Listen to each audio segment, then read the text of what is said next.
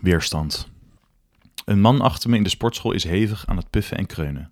Ik draai me om om te zien of alles wel goed gaat, maar raak verblind door in zijn zweetdruppels weer kaatsend halogeenlicht.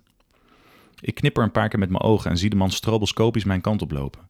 Hij stopt naast me met zijn handen in zijn zij en zijn middenrif op en neer golvend als de buik van een gestrande bultrug. Gaat het? vraag ik. Benen, man, Jezus, weet hij tussen het hijgen uit te brengen. Vind ik het zwaarst, maar dat ben ik. Ik ben het niet met hem eens en probeer dat subtiel duidelijk te maken. Vind ik niet, zeg ik. Poging mislukt. Tenminste, bovenbenen vind ik altijd wel lekker. Met mijn handen wrijf ik over en knijp ik in mijn bovenbenen. Dat doen mensen hier namelijk als ze met andere mensen over spiergroepen praten. Anders stelt het niet. Hamstrings, vervolg ik, wat jij nu doet, die zijn altijd wel pittig. Dan ligt een blessure op de loer. Ja, maar ik train licht, niet te zwaar, dan krijg je blessures. En dat moet je niet willen. Nee. Wat volgt is een gesprek over de respectievelijke voor- en nadelen van zwaar en licht trainen.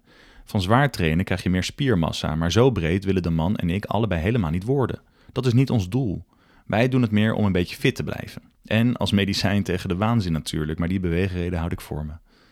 De man vertelt me, nog steeds met een ogenschijnlijk tekort aan zuurstof en overschot aan zweetvocht, dat hij in december ziek is geweest en daar nog steeds de naweeën van voelt. Corona, vraag ik?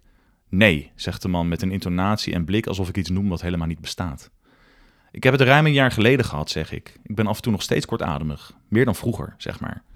Het blijft stil. Maar we worden ook ouder, hè, voeg ik toe. En daarmee is de man het roerend eens.